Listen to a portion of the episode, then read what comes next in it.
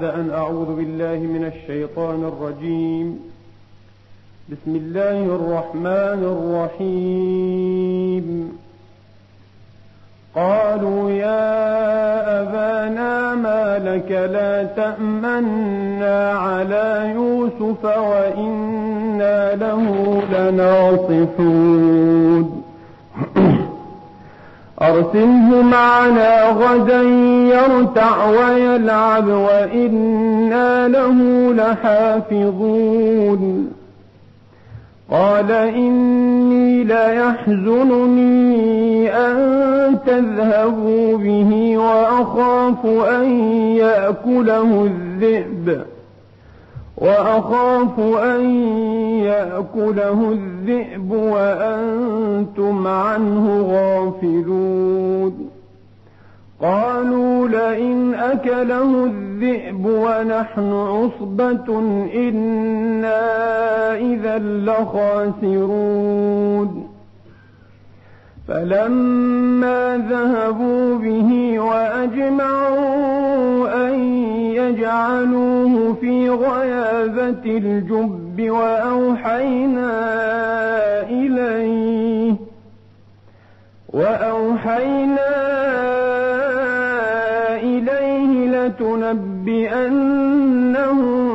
بأمرهم هذا وهم لا يشعرون. وجاءوا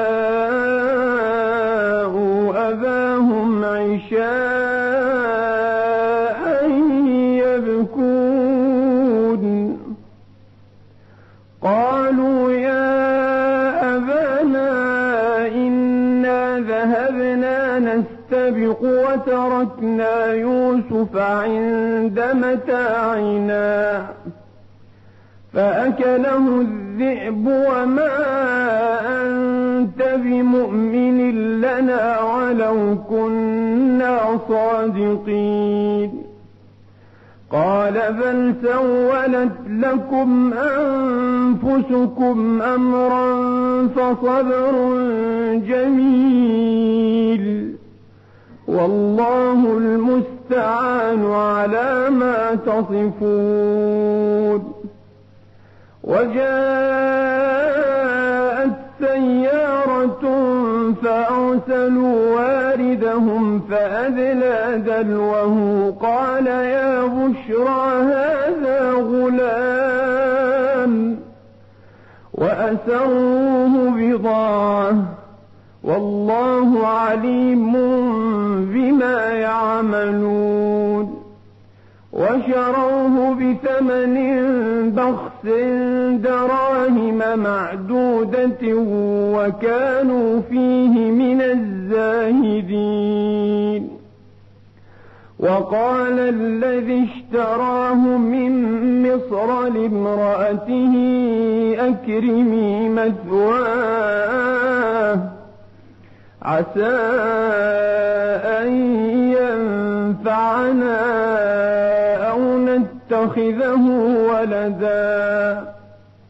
وكذلك مكنا ليوسف في الأرض ولنعلمه من تأويل الأحاديث.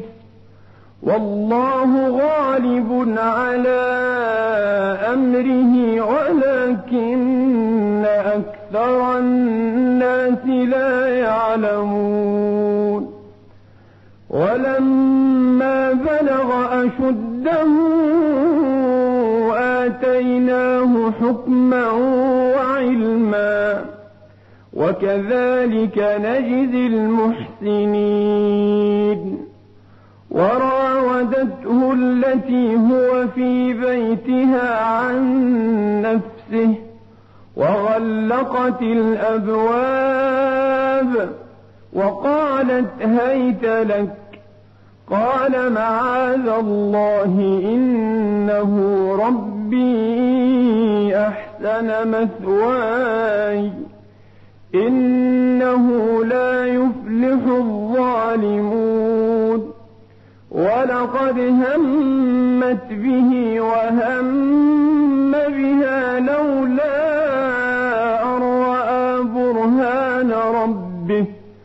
كذلك لنصرف عنه السوء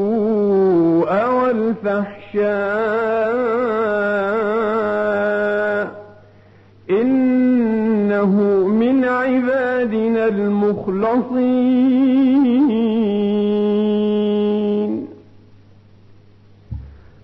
أيها الإخوة المسلمون في هذا المشهد الجديد يعرض الله سبحانه وتعالى لمحاولة ومحاورة المكر أباهم يعقوب عليه الصلاة وأفضل السلام. قالوا يا أبانا ابتدأوه بهذا اللفظ الذي فيه تودد وتحبب وتلطف. يا أبانا ما لك لا تأمنا؟ وأصل الفعل ما لك لا تأمننا؟ ما لك لا تأمنا على يوسف وإنا له لناصحون. من أين دروا أن أباهم لا يأمنهم؟ وهل لهم أو له سابق تجربة معه في مثل هذا الأمر أو الشأن؟ يبدو أن هذا من طراز أو من وادي قولهم كاد المريب أن يقول خذوني. كاد المريب أن يقول خذوني لأنهم بيتوا أمرا. ورحم الله أبو الطيب حين قال إذا ساءت فعال المرء ساءت ظنونه وصدق ما يعتاده من توهم إذا ساءت فعال المرء ساءت ظنونه وصدق ما يعتاده من توهم فلا تجدون الخوان إلا يخون الأمناء. ولا تجدون الفاحش الذي يهتك ويقرض الأعراض إلا ويحسب الناس جميعا على شاكلته. ساءت ظنونه وصدق ما يعتاده من توهم وإن كان سبق من أبيهم إليهم أمر أو إيذان وإعلام بهذا الأمر فلقد قالوه تدسسا إلى قلبه تدسسا إلى قلبه لكي يبعدوا عنه وهم أنهم يأتمرون أو يمكرون بأخيهم. ما لك لا تأمنا على يوسف؟ وإنا له لناصحون. أمنوه من جهتين من جهة أنفسهم فليسوا إلا ناصحين ليوسف ومن جهة مكر أو من جهة شر أو سوء قد يدهمه من غيرهم. من البشر أو الحيوان. قالوا وإنا له لحافظون. سنحفظه من غيرنا. وأما ما يخصنا نحن في ذواتنا فنحن له من أهل النصح والوفاء. فأمنوه من الجهتين. مرة قالوا ناصحون ومرة قالوا حافظون. أرسله معنا غدا يرتع ويلعب. يعدو ويجري ويتفسح ويأكل من ثمار الأرض ومن فواكه النبات. يرتع ويلعب وإنا له لحافظون. قال إني لا يحزنني أن تذهبوا به وأخاف أن يأكله الذئب كأنه لقنهم الحجة عليه الصلاة وأفضل السلام. والذئب حيوان ضعيف كأن أباهم بالقطع كان قد شعر شيئا يخص هذا الأمر لأن الذئب العرب والأوائل لم يكونوا ليخافوا من هذا الحيوان الجبان أو من هذا الحيوان الضعيف وليس كالأساد العظيمة. ولذا قال الربيع بن ضبع الفزاري ذاكرا أنه إنما يخاف ويخشى الذئب لما كبرت وعلت سنه وضعف وشاخ وصار يخاف من كثير من الأشياء التي ليست بمخوف. قال والذئب أخشاه إن مررت به وحدي وأخشى الرياح والمطر. هذا لما علت وكبرت سنه صار يخشى الذئب. وإلا فالشاب فضلا عن العصبة القوية لا يخشون الذئب ليس من الذئب خوف فهو حيوان ضعيف. في نظر الأوائل. وأخاف أن يأكله الذئب وأنتم عنه غافلون لكمال أدبه. عليه الصلاة وأفضل السلام أيضا لقنهم العذر أو كأنه اعتذر عنهم أن يأكله الذئب وأنتم عنه غافلون. قالوا لئن أكله الذئب ونحن عصبة. نحن جماعة قوية. قيل العصبة من عشرة إلى أربعين وقيل من عشرة فما فوق. ونحن عصبة إنا إذا لخاسرون. كيف لا ندفع عن أخينا خطر الذئب؟ وينتهي هذا المشهد. لقد سلم الوالد الكبير الحنون أمره إلى الله تبارك وتعالى ليقع قضاؤه وينفذ مقدوره سبحانه وتعالى. لا راد لأمره ولا معقب لحكمه. فلما ذهبوا هذا مشهد جديد لعله المشهد الخامس فلما ذهبوا به وأجمعوا أن يجعلوه أجمعوا ليس بمعنى الإجماع كما نقول الجماعة برأسهم وإنما أجمعوا كما يقال أجمعت رأيي على كذا أي عزموا وصمموا. لم يتراجعوا.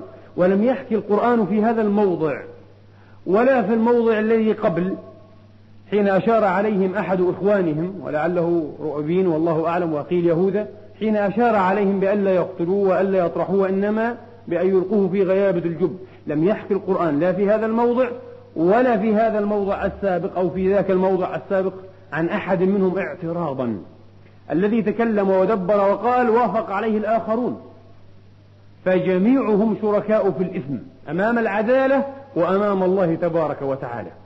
حتى من كان منهم غير راض بهذا التدبير وبهذا المكر فسكوته جريمة وهو بسكوته شريك في الجريمة. وهو بسكوته شريك في الجريمة وهو في عداد المجرمين. قال أحد العلماء الأصوليين في منظومة طويلة للقواعد الفقهية والترك فعل عند جل العلماء وقيل لا والقول الأول سما الترك فعل عند جل العلماء من ترك شيئا ويجب ألا يترك وإنما يجب أن يكون إيجابيا وأن يبادر بفعل أو بمنع أو بمبادرة أخرى فتركه جريمة كأنه فعل. من ترك إنقاذ من يهلك أو من يشارف على الهلاك وهو قادر على إنقاذه فهو أهلكه. هو مجرم بإهلاكه. ومن هذا ما يسميه السادة الفقهاء لدينا القتل بالترك. هناك من يقتل بالترك. قال الإمام آه، أبو محمد علي بن حزم رحمة الله عليه صاحب المحلى الإمام الظاهري الكبير. قال لو مات رجل جوعا في محلة لزم أهل هذه المحلة غرامته أو ديته وجب عليهم جميعا أن يودوه أن يدفعوا ديته لأنهم قتلوه إذ لم يقدموا إليه القراء أو طعام الضيف أو ما يسد به الرمق ويمسك عليه الذمام والحياء. ومن, ومن هنا أيضا قال السادة الفقهاء والعلماء لو رأى امرؤ حائطا يوشك أن ينقض يكاد أن يقع وأن يتهدم وكان بيده خشبة أو نحوها يستطيع أن يسنده أو يسنده بها فلم يفعل فوقع هذا الحائط على أحد دفع ديته. ولا يقول أنا لم أفعل بل فعل الترك فعل عند جل العلماء. هذا هو القول السامي الصحيح. ومن رأى غريقا يوشك أن يغرق أو أن يغرق وكان ماهرا في السباحة يدريها ويعرفها ولم يمد إليه يد العون فهو قتله ويدفع ديته. نعم لا يؤخذ به قصاصا في جميع هذه الحالات لكن يدفع الدية. فكلهم مجرمون كلهم آثمون هؤلاء الإخوة. فلما ذهبوا وأجمعوا أن يجعلوه في غيابة الجب. ثم ماذا؟ أين خبر لما؟ محذوف. فلما ذهبوا به وأجمعوا أن يجعلوه في غيابة الجب نقف هنا والوقف هنا مستحسن في علم التجويد. وأوحينا إليه لتنبئنهم. إذا أين جواب لما؟ هذا أسلوب في الكلام شائع. ترون المتحدث؟ يتحدث عن حدث فظيع أو أمر إمر وركن أمر كبير فيسوق مباديه وأسبابه والأحوال التي أدت إليه حتى إذا جاء إلى القصة في ذاتها أو ذاتها وإلى الحدث الفظيع المستفضع في نفسه أمسك أمسك وسكت سكوتا عميقا لأن فلك العبارة لا يستطيع أن يحوي التعبير عن هذا الأمر العظيم فيسكت والنتيجة معروفة. فعلوا ذلك وألقوه في غيابة الجب أمر فظيع. الله نفسه تبارك وتعالى لم يحتمل أن يذكره وحذف الجواب. وأجمعوا أن يجعلوه في غيابة الجب وكذلك فعلوا. جعلوه وألقوه في غيابة الجب وهو في وحدته وهو في وحدته وفي وحشته وفي جفوته أوحى الله إليه وحي نفس في الروع. وهو أول مبادئ التكليم الإلهي وأول مبادئ الإيحاء إلى الأنبياء والرسل النفس في الروع بعد الرؤيا المنامية. دائما أول ما يبتدأ به النبي حين ينبأ أو يستنبئ الرؤيا المنامية. ثم الإلهام أي النفس في الروع إن روح القدس نفث في روعي في قلبي. الروع هو الخوف والروح هو القلب الجنان. إن روح القدس نفث في روعي أنه لن تموت نفس حتى تستكمل رزقها وأجلها إلى آخر الحديث الذي أخرجه الحاكم. فهذا الوحي ليس وحي النبوة وإنما وحي النفس في الروح وحي إلهام كما أوحى الله تبارك وتعالى إلى أم موسى إلى أم موسى إذا أوحينا إلى أمك ما يوحى. وبالإجماع ما عدا التقي السبكي لم تتنبأ امرأة قط لم تتنبأ امرأة هي ليست بنبية. فما هو نوع هذا الوحي الذي أوحي إليها؟ وحي إلهام وحي في الروح. ليس مختصا بالأنبياء وإنما يعم الصالحين والأولياء وأصحاب العلائق الطيبة مع الله تبارك وتعالى. وأوحينا إليه لتنبئنهم. هنا قسم. أي وعزتي وجلالي وعزة الله وجلاله لتنجون ولتخرجن من هذه المحنة وليظهرنك الله عليهم وليقفن أذلاء صاغرين بين يديك ثم لتنبئنهم بما فعلوا وهم يومئذ ساعة إذ حالة إذ غير شاعرين بأنك يوسف وغير شاعرين بما آتاك الله لاختلاف حاليك حالك اليوم وحالك يومئذ. وأنت في سلطة وفي سدة الحكم وفي مقام رفيع وجرت عليك السنون والدهور والأيام فاختلف شكلك واختلفت مثابتك واختلفت جميع أحوالك. وهم لا يشعرون وهكذا كان. وما نال يوسف هذا إلا بالصبر والتسليم لله تبارك وتعالى. آنسه الله بهذا النفس في روعه بهذا الإلهام. وينتهي هذا المشهد ليبدأ مشهد جديد يحتوي على شيء من الإفك والكذب والتجيل أيضا. وجاءوا أباهم عشاء يبكون. لم تنقض تقريبا على ما يظهر سحابة نهار واحد حتى أكذبوا أنفسهم. قالوا إن له لناصحون وإن له لحافظون إن إذا لخاسرون. كله وعد زائفة.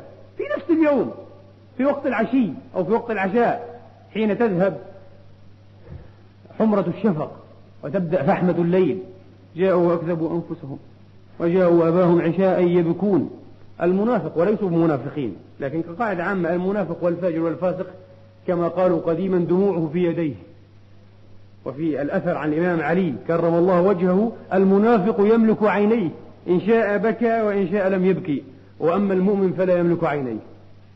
المنافق إذا أراد أن يتباكى يتباكى على السوء في الساعة مباشرة. إذا أراد أن يبكي وأن يتباكى تباكى وأما المؤمن لا. لا يبكي إلا إذا فتح عليه بهذا الحال حال البكاء. إلا إذا تأثر حقيقة لأن المؤمن صادق. سره وعلانيته سواء. المؤمن ليس شخصية منفصمة. أو شخصية متشظية شخصية متسقة ومتساوقة تساوق ظاهرها مع باطنها. وأما المؤمن فلا يملك عينيه لا يبكي إلا إذا فتح الله عليه بذلك. وأما الكافر المنافق عفوا فدموعه في يديه وهو يملك عينيه. فجاءوا أباهم عشاء يبكون.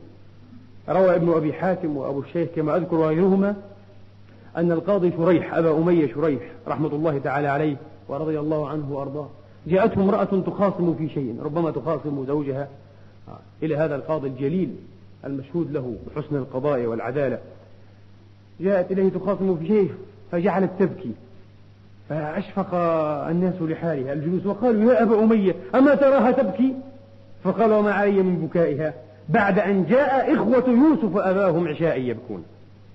هم بكوا أيضا وهم كذب في بكائهم. لا علي من بكائها. لا لابد من البينة. لابد من الأدلة والقرائن أما البكاء فلا يساوي شيئا. حتى حلف الأيمان من المنافقين والكذب والفجار لا يساوي شيئا. حلف الأيمان المغلظة والمؤكدة لا يساوي شيئا. ولذا ومن هنا قال الإمام عامر بن شراحيل الشعبي رحمة الله تعالى عليه قال لا يصدق باك بعد إخوة يوسف. لا يصدق باك بعد إخوة يوسف. قد يكون كل باك كذابا وقد يكون صادقا أمره إلى الله. ما علينا من بكائه. وإنما لا بد من الأدلة والبراهين الموثقة والبينات المقبولة. وجاءوا أباهم عشاء يبكون قالوا يا أبانا إنا ذهبنا نستبق وتركنا يوسف إذا أين وإنا له لحافظون؟ أين حفظكم إياه؟ أين كلاءتكم؟ أين رعايتكم إياه؟ ذهبنا نستبق وذهبنا إنا ذهبنا نستبق وتركنا يوسف عند متاعنا فأكله الذئب. ليس لديهم شيء من الحنكة ولا شيء من التروي. لم يحكموا جريمتهم. صحيح ليس هناك جريمة كاملة لكن هذه الجريمة ناقصة منقوصة من جميع أطرافها. لا تجوز إلا على غبي أو إلا على ساذج. هل لا فعلوها لثاني أو لثالث مرة؟ من أول مرة. أول ما أذن لهم ألقوه في غيابة الجب. هل تلبسوا قين حتى يحكموا جريمتهم؟ فيفعلوا هذه الجريمة النكراء في المرة الثانية أو الثالثة. آه، أو الرابعة أو الخامسة. فعلوها لأول مرة لأن الحقد والحسد يغلي تغلي مراجله في قلوبهم لم يستطيعوا. وأيضا أخذوا الكلمة من في أبيهم كأنه لقنهم هذه الكلمة. قالوا أكله الذئب؟ كما قلت أنت تماما وأكله الذئب. ولذا روي عن رسول الله عليه الصلاة وأفضل السلام أنه قال لا تلقنوا الناس فيكذبوا. لا تلقنوا الناس أي الأعذار فيكذبوا. فإن إخوة يوسف لم يكونوا يعلمون أن الذئب يأكل الإنسان. الذئب يأكل الكلاب ويأكل حملات الصغيرة لكن لا يأكل الإنسان. والإنسان في جماعة. حتى لقنهم أبوهم فقالوا أكله الذئب. فلا تلقنوا الناس ضعاف النفوس والفجار والفسقة لا تلقنوهم الأعذار فيعتذروا بها فيعتذروا بها. وما أنت بمؤمن لنا. الإيمان هنا بمعنى التصديق. آمن به وآمن له. ويؤمن للمؤمنين. في وصف رسول الله عليه الصلاة والسلام في سورة التوبة. ما أنت بمصدق إيانا ما أنت بمصدق لنا وما أنت بمؤمن لنا ولو كنا صادقين. كأنهم يعرضون أو كأنها بادرة لسان عفو لسان خطأ لساني يشهد عليهم بالكذب. ولو كنا صادقين. إذا هم لم يكونوا صادقين.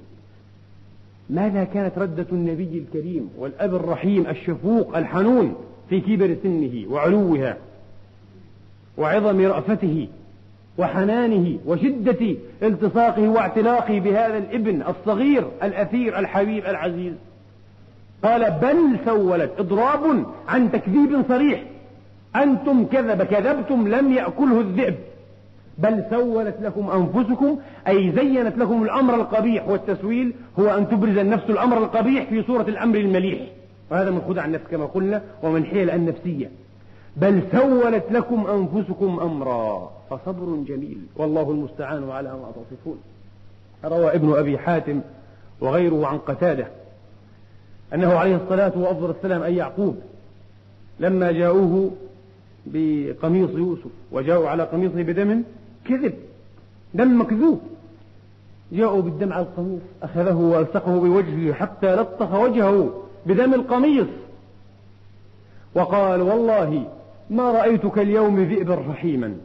أكل ابني ولم يخرق قميصه. ما أحلم هذا الذئب. أغبياء لم يحكموا جريمتهم أيضا. القميص كما هو. وهنا ملحظ آخر.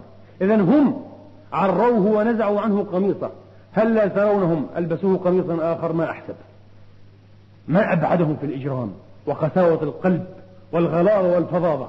نزعوا عنه قميصه. وجعلوا عليه دماء ظبي أو ظبية كما في حديث آخر. ذبحوا ظبية أو ظبيا وجعلوا عليه من دمه وقالوا هذا دم ابنك يوسف عليه الصلاة والسلام. هذا ذئب حليم هذا ذئب رحيم. قتل ابني ولم يخرق لم يمزق قميصه. وجاءوا على قميصه بدم كذب. قال بل سولت لكم أنفسكم بدم كذب. لم يقل تبارك وتعالى بدم كاذب أو بدم مكذوب. قال بدم كذب والكذب مصدر. هذا وصف بالمصدر. وهو لمزيد المبالغة كما يقولون فلان شاهد عدل. العدل مصدر. المفروض أن يقال شاهد عادل قالوا شاهد عدل أي كأنه هو العدل بذاته هو العدل برأسه. وكما قال تبارك وتعالى عز اسمه في هذه السورة وشروه بثمن بخس لم يقل بثمن مبخوس أو بثمن باخس بثمن بخس والبخس هو النقص بخسه يبخسه بخسا البخس هو النقص وصف بالمصدر. وقد يأتي الوصف بالمصدر على أنه يقدر باسم مفعول كما قال تبارك وتعالى هذا خلق الله. أي هذا مخلوق الله. أي هذا مخلوقات الله. هذه مخلوقات الله. هذا خلق الله. هذا مصدر يقدر باسم مفعول هذا مخلوق الله. فأروني ماذا خلق الذين من دونه. وجاءوا وكما قال الشاعر أيضا أفيضوا على عزابكم من بناتكم. فما في كتاب الله أن يحرم الفضل؟ وفيهن فضل. قد عرفنا نحن مكانه. فهن به جود وأنتم به بخل مصدر. هن به جود. يعني يقول جائدات وإنما قال جود. وأنتم به لم يقل بخلاء وإنما بخل. وصف بالمصدر للمبالغة. وجاءوا على قميصه بدم كذب قال بل سولت لكم أنفسكم أمر فصبر جميل.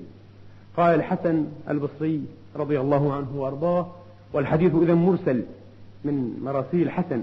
قال صلى الله عليه وسلم الصبر الجميل هو الصبر الذي لا شكوى فيه أي إلى الخلق.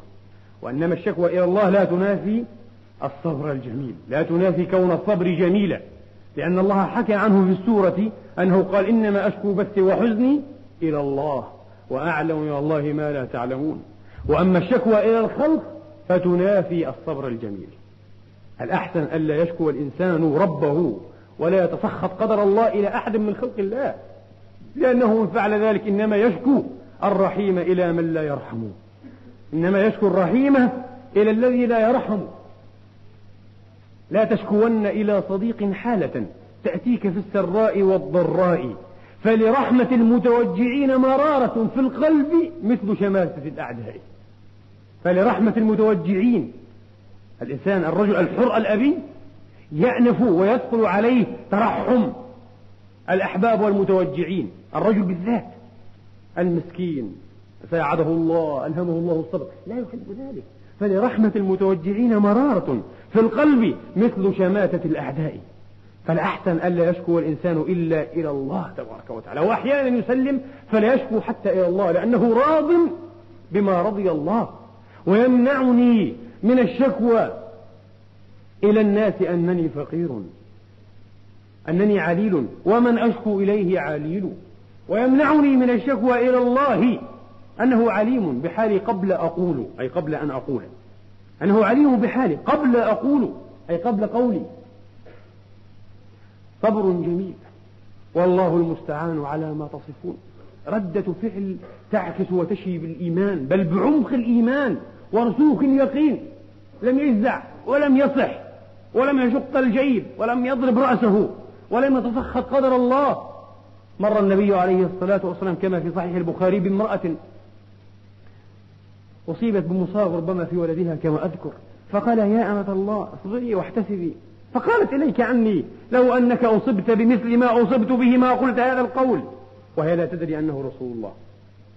حتى إذا خطاها وجاوزها قال لها أحدهم أتدرين من كنت تكلمين؟ قالت من؟ قالوا رسول الله صلى الله عليه وسلم فأسقط في يدها فجاءت الرسول عليه السلام وقالت يا رسول الله لم أكن أدري. قال إنما الصبر عند الصدمة الأولى. هذا الاعتذار لا يفيد. أنت لم تصبري. الآن تريدين أن تعرب عن صبرك؟ إنما الصبر عند الصدمة الأولى. أول ما يأتيك الخبر أو النبأ أو يحدث لك الحادث الراهب الفاجع عليك أن تبادر وأن تعتصم بقول الله تبارك وتعالى إنا لله وإنا إليه راجعون. إن فعلت ذلك ألهمك الله الصبر والسلوان. وأخلف عليك خيرا مما ومن من أصبت به. أولئك عليهم صلوات من ربهم ورحمة وأولئك هم المهتدون. نعم العدلان. وأولئك هم المهتدون. قال بعض الحكماء الحليم الصبور.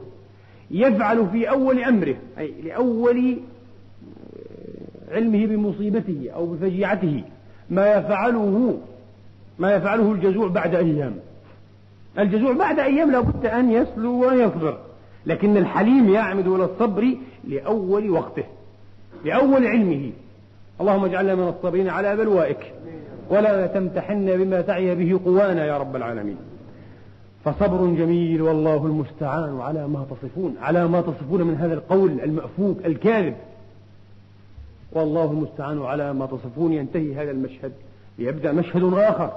وجاءت سيارة أي قافلة من قوافل التجار كانت تسير من مدين إلى مصر.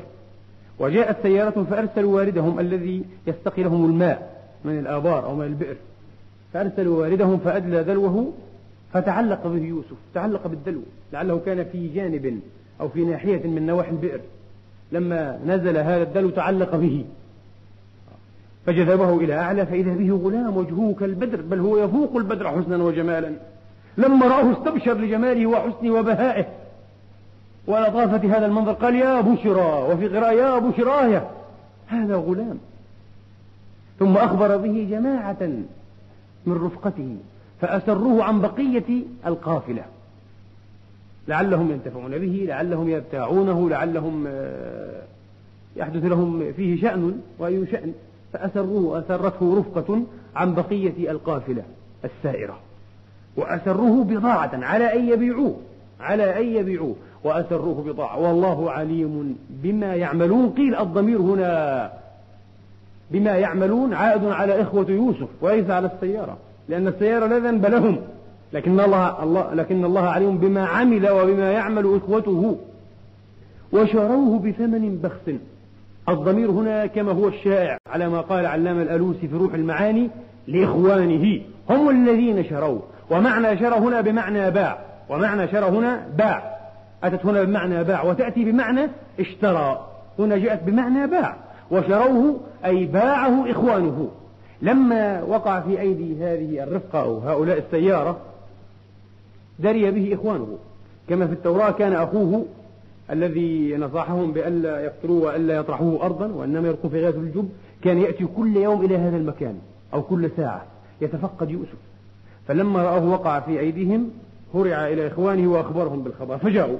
قالوا هذا عبد لأبينا أبق من أبيه أو عبد أبق من سيده وهو عبد سوء وهو عبد سوء. قالوا أتريدون أن تبيعوا؟ قالوا نعم. أبق من أبيه أو عبد أبق من سيده وهو عبد سوء وهو عبد سوء. قالوا أتريدون أن تبيعوا؟ قالوا نعم بكم؟ قالوا بثمن بخس. دراهم معدودة. لأنهم يريدون أن يتخلصوا من ورطته ومن الجريمة التي احتقبوها؟ وشروه بثمن. وقيل الضمير للسيارة. والأول أشهر وأشيع والله أعلم. وشروه بثمن بخس دراهم معدودة وكانوا فيه من الزاهدين. انتهى هذا المشهد لينتقل بنا مشهد جديد إلى أرض مصر. وقال الذي اشتراه من مصر هذا شراء آخر ليس نفس الشراء الذي سبق في الآية وإلا لا يكون لقوله تعالى من مصر كبير فائدة وكثير جدوى. إذا هو شراء ثان بلا شك لمن راعى قواعد النحو. وقال الذي اشتراه من مصر وهو عزيز مصر.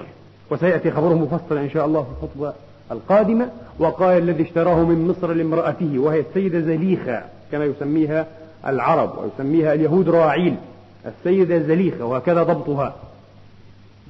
لامرأته أكرمي مثواه. مزيد تلطف وعناية بهذا الطفل البدري بهذا الطفل القمري. أكري لم يقل أكرميه وإنما قال أكرمي مثواه المكان الذي يثوي فيه ويجلس فيه ويقيم فيه. أكرميه أكرمي المكان نفسه لكرامة هذا الغلام البدري. مزيد تلطف كأنه تفرس فيه الخير كأنه تفرس في وجه الصبوح. العفة والشرف والخير العميم الكثير. أكريم مثواه عسى أن ينفعنا. أو نتخذه ولدا والظاهر كما قال أكثر المفسرين أنهم لم يرزقوا أولادا. لم يرزقوا أولادا. فصار حال يوسف شبيها جدا من هذه الاعتبارات السابقة جميعها بحال موسى الكريم عليه الصلاة والسلام فقد أمه هذا فقد أباه. سيره الله تبارك وتعالى إلى قصر فرعون قصر حكم وهذا سيره إلى قصر العزيز. وقع في يد هذه المرأة الصالحة آسي عليه السلام. هنا وقع في يد هذا الرجل الطيب طيب الفؤاد وامرأته السيدة زليخة شبيه أحوال كثيرة. عسى أن ينفعنا أو نتخذه ولدا. وكذلك مكنا ليوسف في الأرض. ولنعلمه. هنا مكنا ليس التمكين كله وإنما يحكي الله تبارك وتعالى عن بداية أو مبتدأ التمكين. من هنا بدأ مستقبله عليه الصلاة والسلام تخطه يد القدر. المستقبل العالي السامق الرفيع.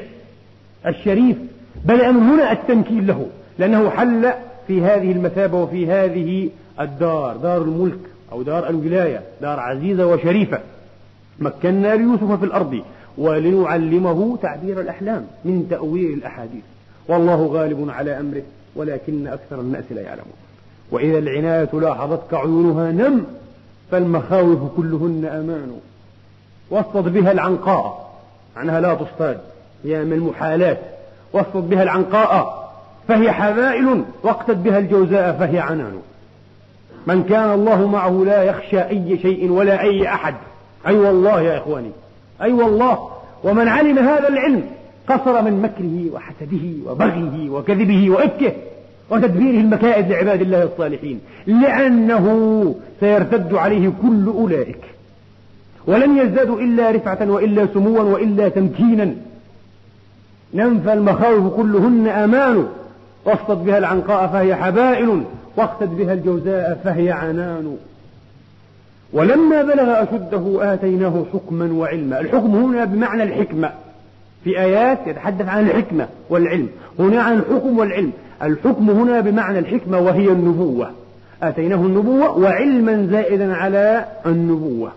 كما قال في داود وسليمان عليهما السلام وكلا فهمناها سليمان وكلا آتينا حكما وعلما. أي نبوة وعلما زائدا على هذه النبوة. وعلما زائدا على هذه النبوة. متى كان ذلك؟ كان ذلك بعد هذا الوقت وبعد هذا الحادث بزمن طويل. الأظهر أنه في سن الأربعين لما بلغ يوسف عليه السلام سن الأربعين. لماذا جاء الله بهذه الآية هنا قبل أن يتحدث عن قصة هم زليخة به؟ عن قصة الفتنة. لماذا؟ جاء الله بهذه الآية كجملة اعتراضية أنموذجا لهذه القصة. كي يقر في نفوسنا وكي نوقن بأن عاقبته حميدة وأن عاقبته سعيدة وأنه لم يأت شيئا يخل بنزاهته وعفته. لأنه لو أتى بشيء يخل بنزاهته وعفته مما قد يخطر على بال التالي أو المستمع حين يقرأ آيات ولقد همت به وهم بها السياق كله لما آتاه الله عز وجل الحكم والنبوة ولا ما رفعه هذه الرفعة. فجيء بهذه الآية هنا جملة اعتراضية لأجل هذا الغرض. والله تبارك وتعالى أعلم. ولما بلغ أشده آتيناه حكما وعلما وكذلك نجزي المحسنين. وهذا ثناء من أعظم الأثنية ومدحة من أعظم المدائح. وصفه بالإحسان كان محسنا في كل أحواله في اعتقاده وسلوكه وعمله في ليله ونهاره عليه الصلاة وأفضل السلام. ولما بلغ أشده ما هو الأشد؟ الأشد هو القوة. وسن, وسن بلوغ الأشد. قيل هو سن البلوغ حين يراهق المرء البلوغ. راهق فلان البلوغ ولذا يقال إنه مراهق أي راهق البلوغ. تقدير محذوف. وقيل هو سن الأربعين. وهناك أقوال أخرى شتيتة تبدأ بهذا القول أنه حين مراهقة البلوغ إلى سن الأربعين وقد قيل بما يزيد على الأربعين. تأملت آيات الله تبارك وتعالى التي تحدثت عن هذه القضية. وجدنا في سورة القصص عن موسى عليه الصلاة وأفضل السلام ولما بلغ أشده واستوى آتيناه حكما وعلما. وجدنا في سورة الأحقاف عن الإنسان بشكل عام لأن العبرة بعموم لفظ بخصوص السبب حتى إذا بلغ أشده وبلغ أربعين سنة. قال رب أوزعني أن أشكر نعمتك الآية. ووجدنا في سورة الحج ثم نخرجكم طفلا ثم لتبلغوا أشدكم. وفي سورة غافر أو المؤمن ثم لتكون ثم يخرجكم طفلا ثم لتبلغوا أشدكم ثم لتكونوا شيوخا. هناك نخرجكم هنا يخرجكم. ووجدنا في سورة الأنعام والإسراء معا ولا تقربوا مال اليتيم إلا بالتي هي أحسن حتى يبلغ أشده. آية القصص وآية الأحقاف متعادلتان بمعنى واحد حتى إذا بلغ أشده واستوى. واستوى. هناك حتى إذا بلغ أشده وبلغ أربعين سنة. استوى بمعنى بلغ أربعين سنة. وأكثر الأنبياء ينبؤون في سن الأربعين. كحال محمد عليه الصلاة وأفضل السلام. أكثر الأنبياء وأن نبئ بعضهم كعيسى ويحيى قبل هذه السن لكن أكثرهم ينبؤون في سن الأربعين. هذا السن بلغ أشده واستوى بلغ أشده وبلغ أربعين سنة. سن الاستواء هو سن الأربعين وهذا من إعجاز القرآن العلمي الذي وقفت عليه بتوفيق الله وإلهامه. ذلكم أن البدن الإنساني هذه البنية الآدمية الإنسانية يغلب فيها البناء أو التعمير كما يسمي علماء الوظائف الأعضاء يغلب فيها التعمير على التهديم في المرحلة أو المراحل الأولى من العمر. دائما التعمير أزيد من التهديم. regeneration أكثر من ال degeneration كما يقول هؤلاء العلماء. حتى إذا بلغ الإنسان منتصف العمر المقدر بأربعين سنة علميا تعادل التعمير مع التنكس أو التهدم أو التدمير. تعادل هذا مع هذا. قال تعالى واستوى ما معنى استوى في اللغة؟ اعتدل. استوى الميزان استوى النهار. اعتدل. الاعتدال هو استوى الميزان. اعتدل الميزان. باعتدال كفتيه أو تقابل كفتيه. هنا سبحان الله تعتدل البنية الإنسانية فيساوي التعمير التهديم تماما. ثم بعد ذلك يبدأ الإنسان في التردي في التحطط في التنزل. يبدأ يقطع أو يتنزل على السفح الثاني أو الجهة الثانية من جبل الحياة من هضبة الحياة. هنا يبدأ. ثم لتكونوا شيوخا ثم لتكونوا شيوخه إشارة قرآنية في منتهى الروعة في منتهى الإعجاز. سن الاستواء هو سن الأربعين. ثم بعد ذلك يأتي التنقص يأتي التردي يأتي التردي. ولما بلغ أشده آتيناه حكما وعلما وكذلك نجز المحسنين. وراودته مشهد آخر. وراودته التي هو في بيتها عن نفسه. المراودة مفاعلة. والمفاعلة تدل على تكرار الفعل. أي أكثر من مرة راودته على نفسه. أكثر من مرة أرادته على نفسه. فهذا التكرير والتكثير في الإرادة هو مراودة. راودته أكثر من مرة. التي هو في بيتها لأن العرب ينسبون البيت إلى المرأة. وقرن في بيوتكن في بيوتكن. وراودته التي هو في بيتها عن نفسه وغلقت الأبواب. تضعيف الفعل غلق. قد يقول وأغلقت. وإنما قال غلقت بتضعيف اللام. هنا لامان. ليدل على التكثير أو التكرير في الفعل. التكرير في الفعل أنها غلقت أكثر من باب أو أغلقت أكثر من باب. قيل سبعة أبواب. وأما التكثير في الفعل فإنها أحكمت الإغلاق. كما نقول أغلقته طقة وطقتين وثلاث. ثلاث مرات. يفيد هذا ويفيد هذا وقد يفيد المعنيين جميعا. وغلقت الأبواب وقالت هيت لك. هيت اسم فعل أمر بمعنى بادر. بادر وتفضل. إنها محنة وأي محنة. لهذا الغلام ولهذا الشاب العظيم الحليم الكريم المخلص لله تبارك وتعالى. هو في فتائه بل في قوة فتائه وفي شرخ شبابه وهي أيضا امرأة ناضجة. قطعا كانت يعني فوق الثلاثين. لو رجحنا بأشياء كثيرة هي فوق الثلاثين وربما دون الأربعين إذا هي امرأة في نضجها. والذي درس أيضا علم النفس وعلما يقترب إليه يعلم أن أكثر ما ترغب المرأة في الرجال في هذا السن بعد الثلاثين كان عبدا كان فتى. لكن الله تبارك وتعالى لم يحكي في آية انظروا إلى إعجاز القرآن ودقته لم يحكي في آية الله عز وجل أو لم يقل الله بنفسه عز وجل في آية أو في جزء من آية إنه فتح. وإنما دائما هذا على سبيل الحكاية. قال نسوة في المدينة. وألف حين تكلم الله نفسه ليس حكاية وإنما قولا إلهيا قال وألف سيدها لم يقل سيدهما هو ليس سيد هذا عبد مخلص لله لا يسوده أحد لا يعلوه أحد في نظر الناس هو عبد ومسود وفتى للعزيز ولزوج العزيز. أما عند الله فلا. وألفيا سيدها لم يقل سيدهما. وألفيا هذا من إعجاز القرآن غريب وهو فتى عندها في نظر الناس وفي نظر نفسها. تستطيع عليه ما لا تستطيع على رجل أجنبي غريب. مع جماله القمري البدري الفائق خارق خارق لعادة الله تبارك وتعالى ولعادة الذوق الإنساني في تلمح الجمال. إنه جمال من طراز فريد جدا. لم يرى الراؤون مثل هذا الجمال. هذه المرأة كما سنسوق في آخر هذه الخطب كانت بلا شك امرأة شريفة. لا يحق لنا أن نتهمها. ولو كانت أي امرأة مكانها لفعلت أكثر من فعلها. لكنها كانت شريفة. وتنطوي على شيء من إيمان وشيء من إخلاص وشيء من أخلاق عالية. وسيأتي برهان هذا في الخطب القادمة أو الجائية إن شاء الله تبارك وتعالى. والظروف مساعدة. وهو عليه السلام في بيئة القصور في بيئة الترف. بيئة لا تحفل الشرف ولا تبالي الغيرة والعفة. بدليل أن العزيز زوجها حين اطلع على الأمر على هذه الفاضحة والفضيحة ماذا قال؟ اكتفى أن قال يوسف أعرض عن هذا أترك هذا الأمر وتناسى لأن المهم هو رأي الناس رأي المجتمع حتى لا يخرج هذا الأمر إلى المجتمع الخارجي. أعرض عن هذا واستغفري أما أنت فاستغفري لذنبك. اكتفى بهذا. لم يطلقها لم يضربها لم يغضب عليها لم يتغير. استغفر لذنبك إنك كنت من الخاطئين. بيئة لا بيئة القصور بيئة الترف بيئة المترفين لا يبالون الشرف ولا يحفلون بالغيرة. أبدا.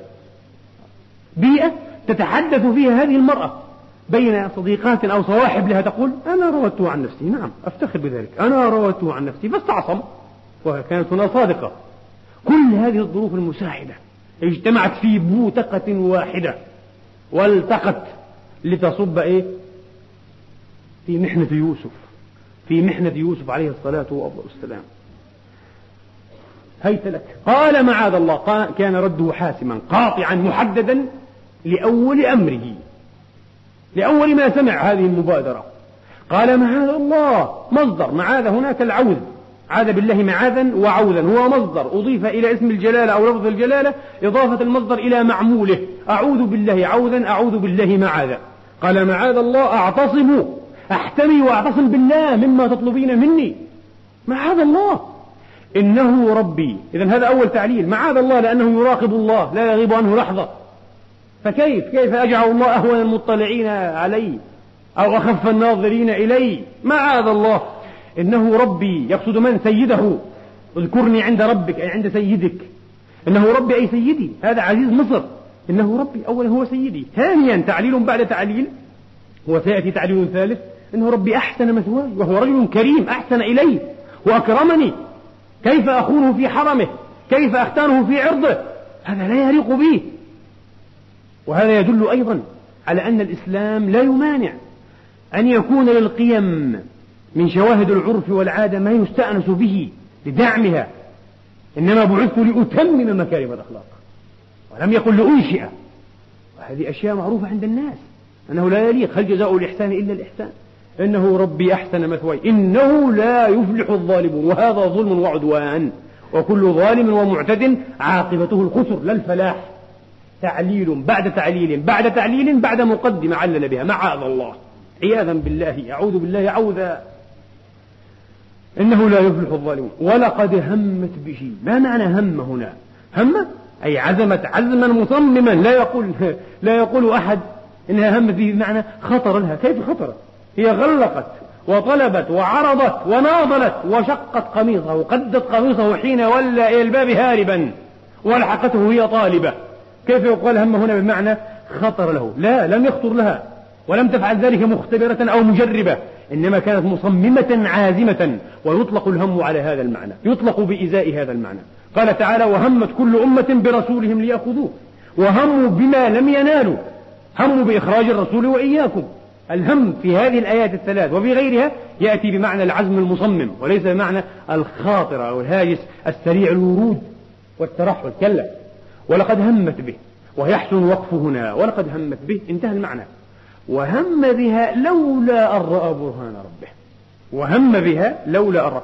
الجملة الثانية هنا المعطوفة على الأولى هي معطوفة عليها لا ريب لكنها مستقلة بذاتها مستقلة بمعناها. لأن شرطها مسند أو مختص بالمسند إليه. قال تعالى لولا أن رأى برهان ربه من الذي رأى؟ هو.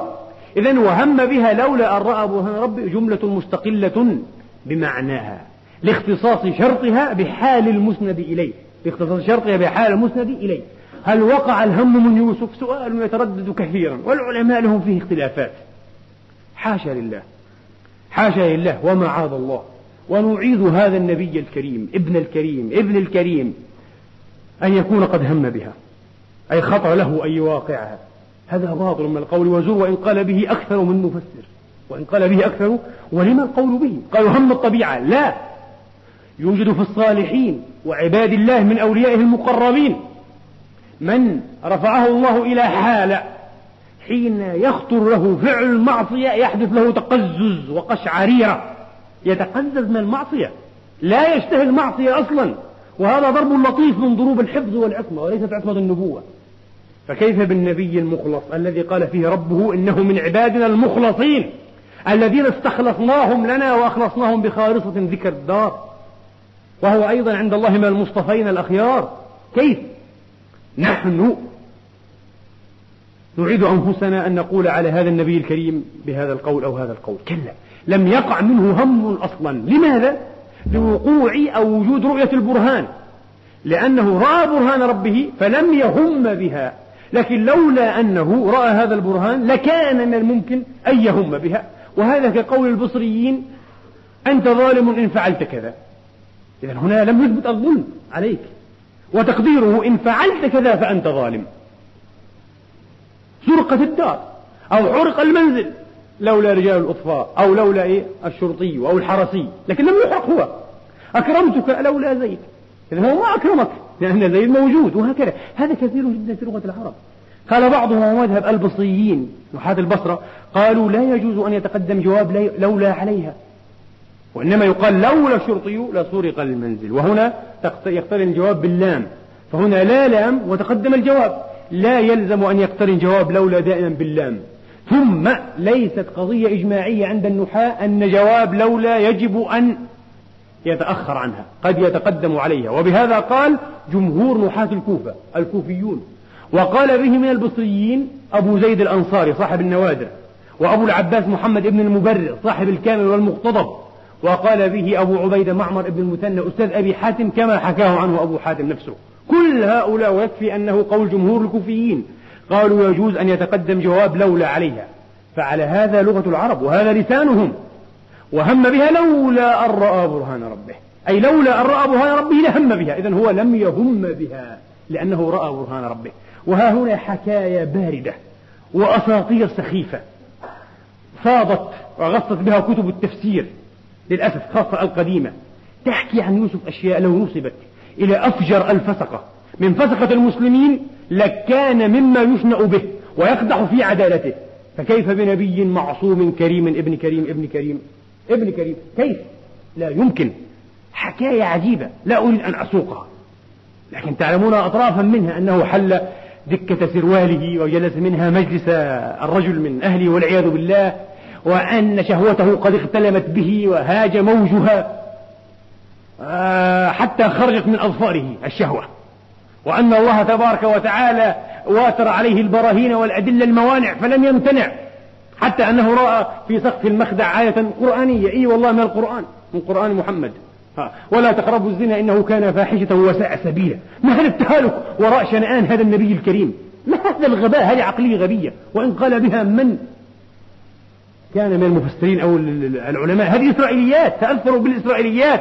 تأثروا تأثروا بما ذكرته التوراة. ثم ظهر له وصور له هيئة أبيه يعقوب وهو عاض على أصبعه ينهى عن ذلك فلم ينتهي. حتى بعث الله ملكا عظيما لعله جبريل قال أدرك عبدي. فجاءه الملك وضرب في صدره. حتى انتهى. والله هذا لو نسب كما قلت إلى أفجر فاسق. من فساق هذه الملة لكان مما يشنأ به ومما يقدح في عدلته. أفينسب إلى نبي الله الكريم؟ حاشا لله.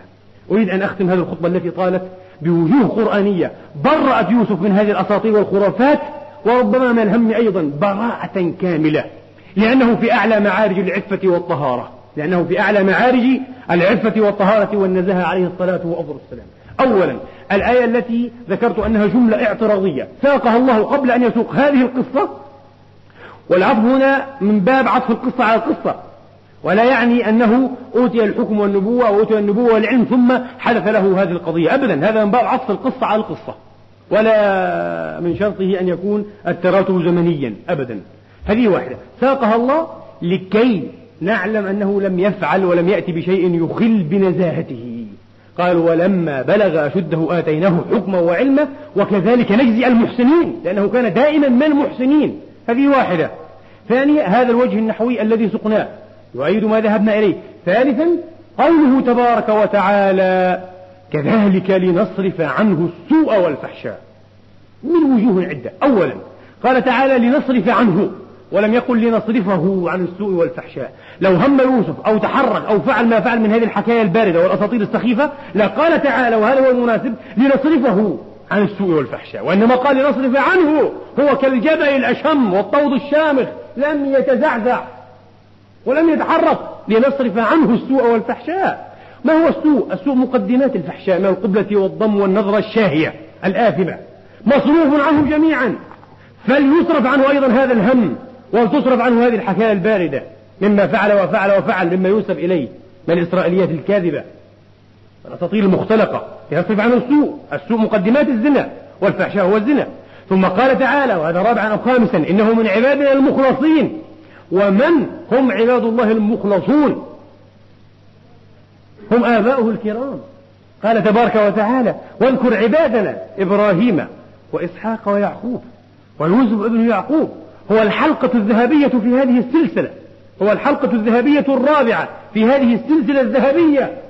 يوسف ابن يعقوب ابن إسحاق ابن إبراهيم خليل الرحمن. نسب كأن عليه من شمس الضحى نورا ومن ضوء الصباح عمودا. واذكر عبادنا إبراهيم وإسحاق ويعقوب أولي الأيدي والأبصار. إنا أخلصناهم لنا بخالصة ذكر الدار. هم المخلصون وإنهم عندنا لمن المصطفين الأخيار. هو من هؤلاء وعلى درب هؤلاء. وانظروا إلى شهادة إبليس. إبليس هو الذي برأ يوسف. قال فبعزتك لأغوينهم أجمعين. إلا عبادك منهم المخلصين. ويوسف من المخلصين. فلا سبيل لإبليس ولا غير إبليس إليه ولا عليه من غواية أو ردية والعياذ بالله. إبليس ما أحسن ما قال علامة الألوسي قال وهنا وعند هذا يقال للجهلة الذين نسبوا إلى نبي الله ما نسبوا. إن كنتم من أتباع الله. يريد من أتباع قول الله. هي صح يقال من أتباع الله. هذا خطأ. إن كنتم من أتباع القرآن وقال من أتباع الله. إن كنتم من أتباع الله فاسمعوا براءة الله تبريء الله يوسف عليه الصلاة كذلك ينصرف عنه يوسف أنه على المخلصين. وإن كنتم من أتباع إبليس فقد برأه إبليس. إبليس قال إلا عبادك منهم المخلصين. قال الألوسي إلا أن يقول قائل منهم وهذا من ظرفه. إلا أن يقول قائل منهم كنا من أتباعه. لكن ارتقى من الحال حين تخرجنا من مدرسته ففقناه في المكر والغواية والعياذ بالله. على حد قول الحريري وكنت امرأ من جند إبليس فانتهى بي الحال.